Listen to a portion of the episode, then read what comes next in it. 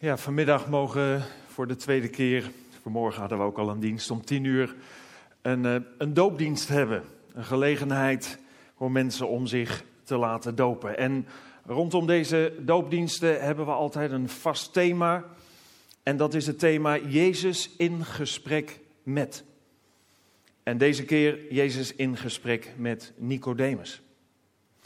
Nicodemus hebt het gezien in de inleidende film, was een, een fariseer. Dat was een schriftgeleerde, je zou kunnen zeggen in deze tijd misschien een theoloog of een dominee. Of ja, hoe je het ook moet omschrijven, naar deze tijd moet halen. Het past ook niet helemaal.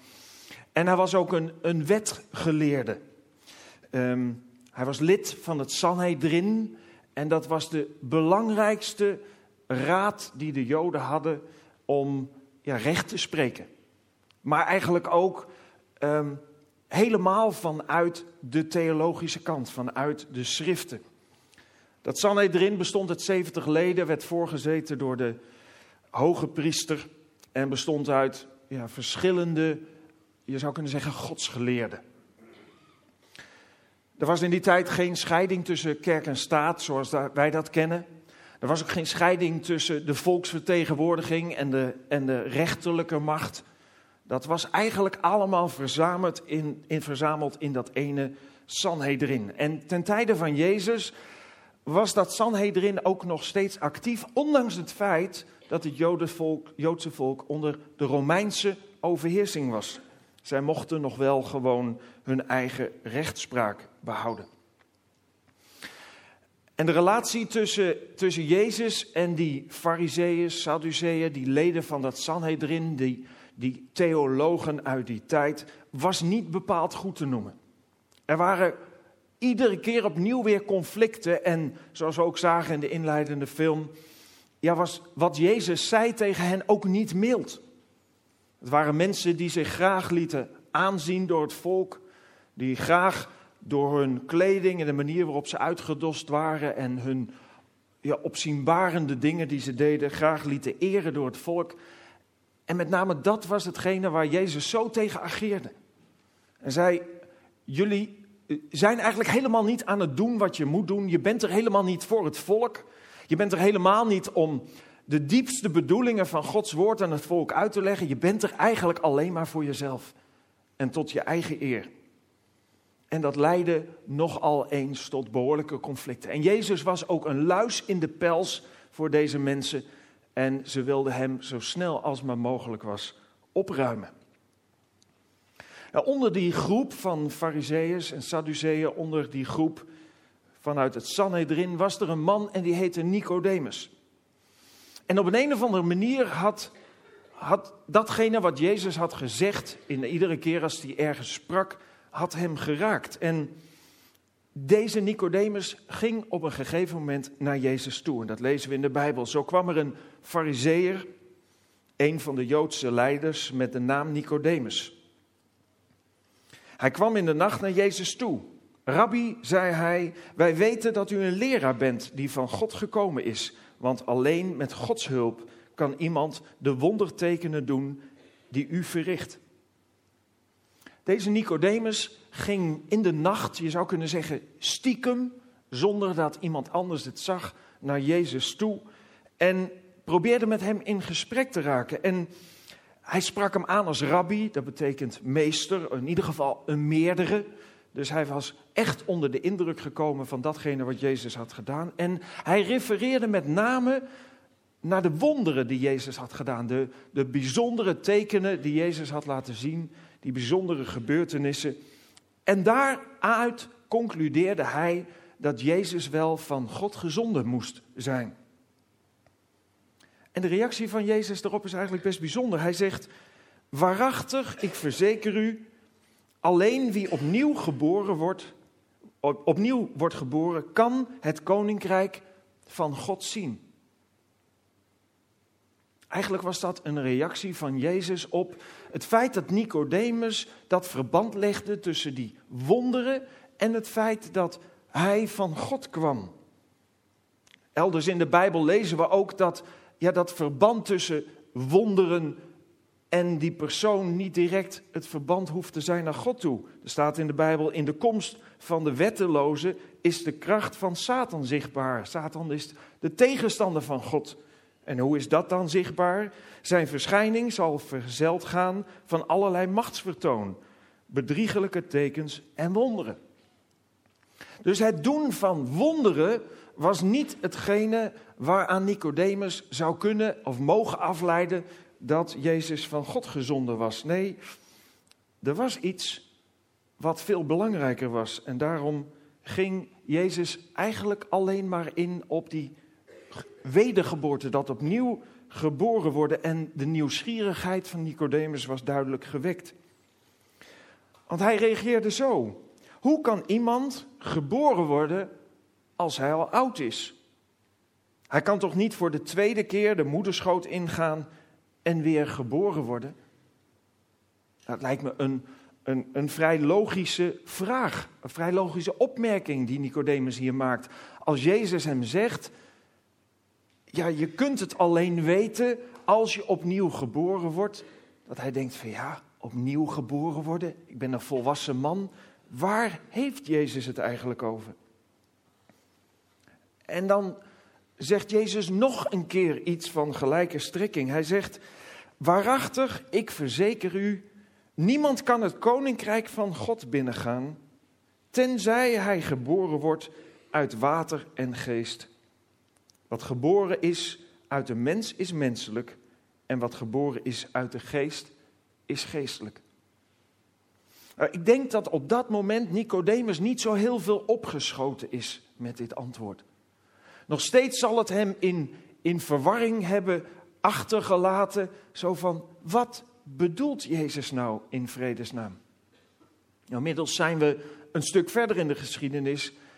En inmiddels kunnen we vanuit de dingen die later ook in de Bijbel zijn geschreven daarover wel opmaken wat Jezus heeft bedoeld.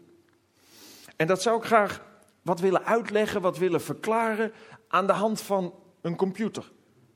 Is er iemand hier in de zaal die niet met een computer werkt? Eén. Willem. Nog één. Nou, genoeg die er wel mee werken. Dus die gaan het in ieder geval begrijpen. Leg ik het jullie apart nog uit. Een computer. Hoe leg je nou aan de hand van een computer uit wat wedergeboorte betekent? Ieder mens kunnen we opmaken uit de Bijbel, wordt geboren vanuit zielsverbondenheid, dat is een moeilijk woord, tussen hem, tussen die persoon en God. Oftewel, er is een verbinding bij ieder mens wat op deze aarde komt tussen God en hem of haar. En als je een computer hebt, zeker in deze tijd, dan kennen we die verbinding ook. Net zo draadloos als de verbinding is tussen God en de mens, kennen we de verbinding die is tussen een computer en een netwerk bijvoorbeeld. dat, is dan, dat heet dan wifi bijvoorbeeld. Dat is zo'n draadloze verbinding. Nou, dit zou je misschien higi moeten noemen of hege, want het is de Heilige Geest, Gods Geest, die de verbindende factor is tussen ieder mens die op deze aarde geboren wordt en hemzelf.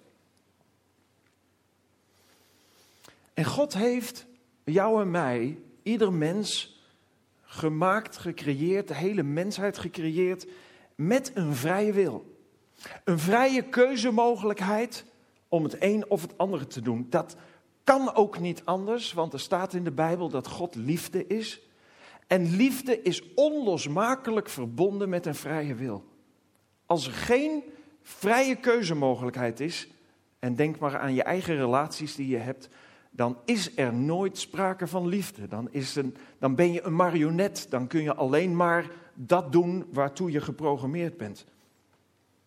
God heeft de mens gemaakt en dat was een daad van liefde, een verlangen om liefde te geven en te ontvangen. En hij heeft ons gemaakt met een vrije wil. En om die reden is God eigenlijk ook wel heel veel bekritiseerd. En eigenlijk nog steeds wel. Veel mensen die zich boos maken over het feit dat God de mogelijkheid heeft gecreëerd dat het zo verschrikkelijk fout gaat in de wereld zoals het nu gaat. Maar als we naar ons eigen leven kijken, dan zien we dat wij eigenlijk in ons leven precies dezelfde risicovolle stappen nemen, omdat we verlangen om liefde te geven en liefde te ontvangen. Denk bijvoorbeeld aan vriendschappen die je aangaat.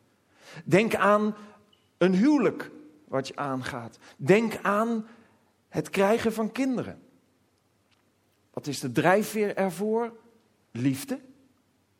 Het verlangen om liefde te geven en het verlangen om liefde te ontvangen. Met een enorm risico. Het risico dat je vrienden je belazeren. Het risico dat je man of vrouw um, je belazert en vreemd gaat. Het risico dat kinderen die opgroeien zich tegen je keren en je het leven, ik weet niet hoe zuur maken. En toch iedere keer opnieuw blijven we die relaties aangaan. Liefde, het verlangen om liefde te geven, het verlangen om liefde te ontvangen, is onze drijfveer en dat hebben we niet van een vreemde. Dat is precies wat God ook deed en doet. Het verlangen om liefde te geven, om zijn liefde te geven en te ontvangen. En daar hoort die vrije wil, daar kan niet anders dan een vrije wil bij passen. Dat geldt voor iedere relatie, dat die relatie alleen maar kan continueren, kan doorgaan wanneer daar sprake is van trouw.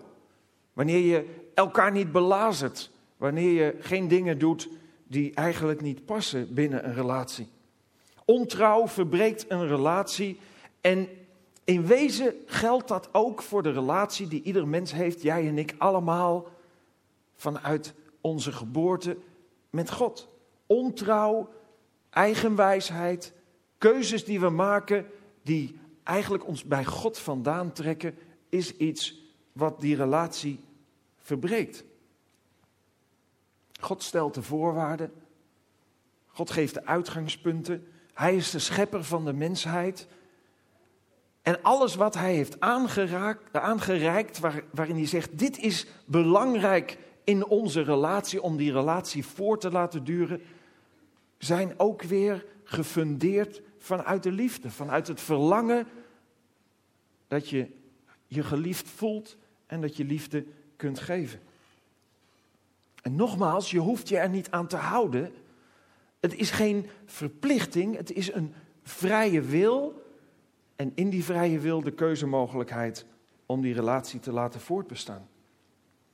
En als je getrouwd bent, dan kunnen er dingen fout gaan. Het kan zijn dat, ja, dat daar een breuk ontstaat, juist door ontrouw. En dan eindigt die relatie. Dan houdt het, hoe pijnlijk ook, op met alle gevolgen van dien.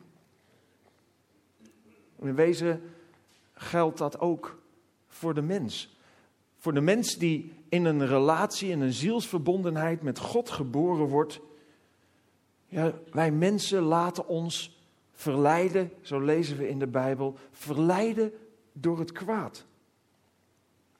Door de tegenstander van God, die ons probeert eigenlijk af te trekken van die voorwaarden die er zijn om die relatie met God in stand te houden. En Jezus zei al, niemand kan twee heren dienen.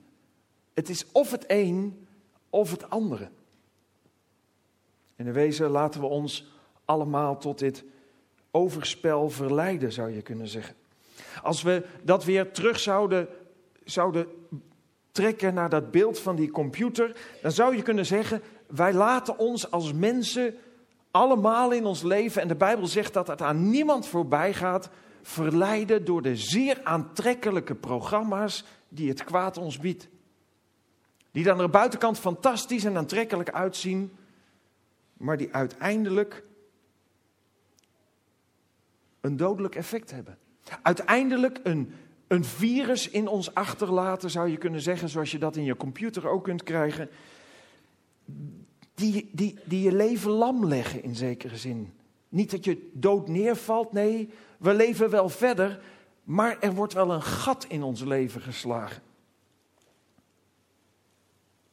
En wat zou een systeembeheerder doen die de verantwoordelijkheid heeft voor een computernetwerk, wanneer iemand zo slim is om een USB-stick van huis mee te nemen met een virus of een CD-ROM en die ontdekt dat dat virus op dat werkstation staat, ja, wat doe je dan? Dan verbreek je de verbinding. Zodat het virus ook niet verder zal gaan, zodat het niet verder zijn vernietigende werk kan blijven doen.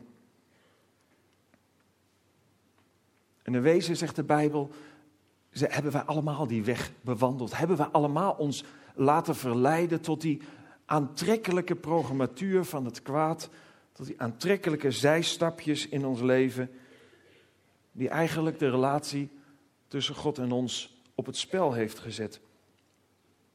En weet je wat het erge is? Vaak hebben we het helemaal niet in de gaten.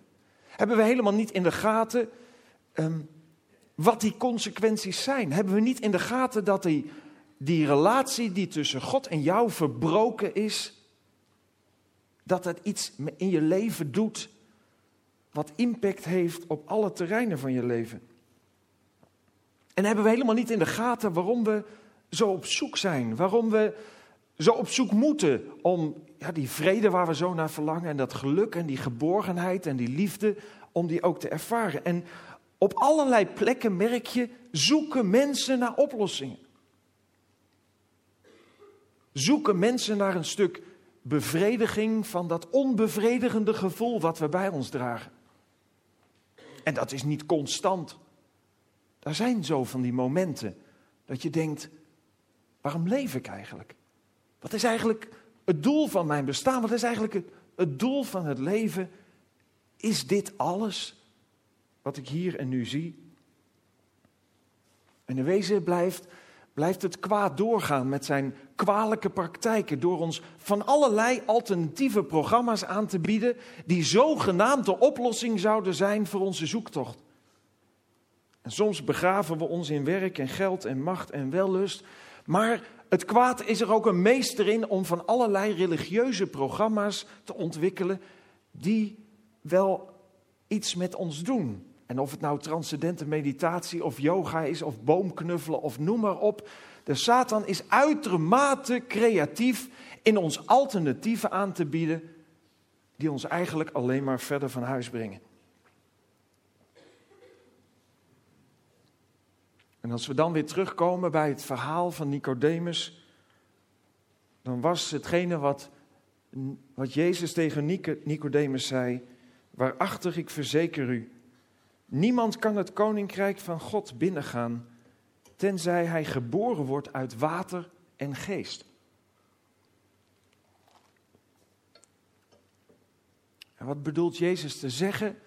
Niemand kan tot een herstel van die gebroken relatie komen, tenzij door water, en dat is een verwijzing naar de doop, maar vooral een verwijzing naar de bekering, het omkeren je afkeren van het leven wat je leidt en je keren naar het leven met God.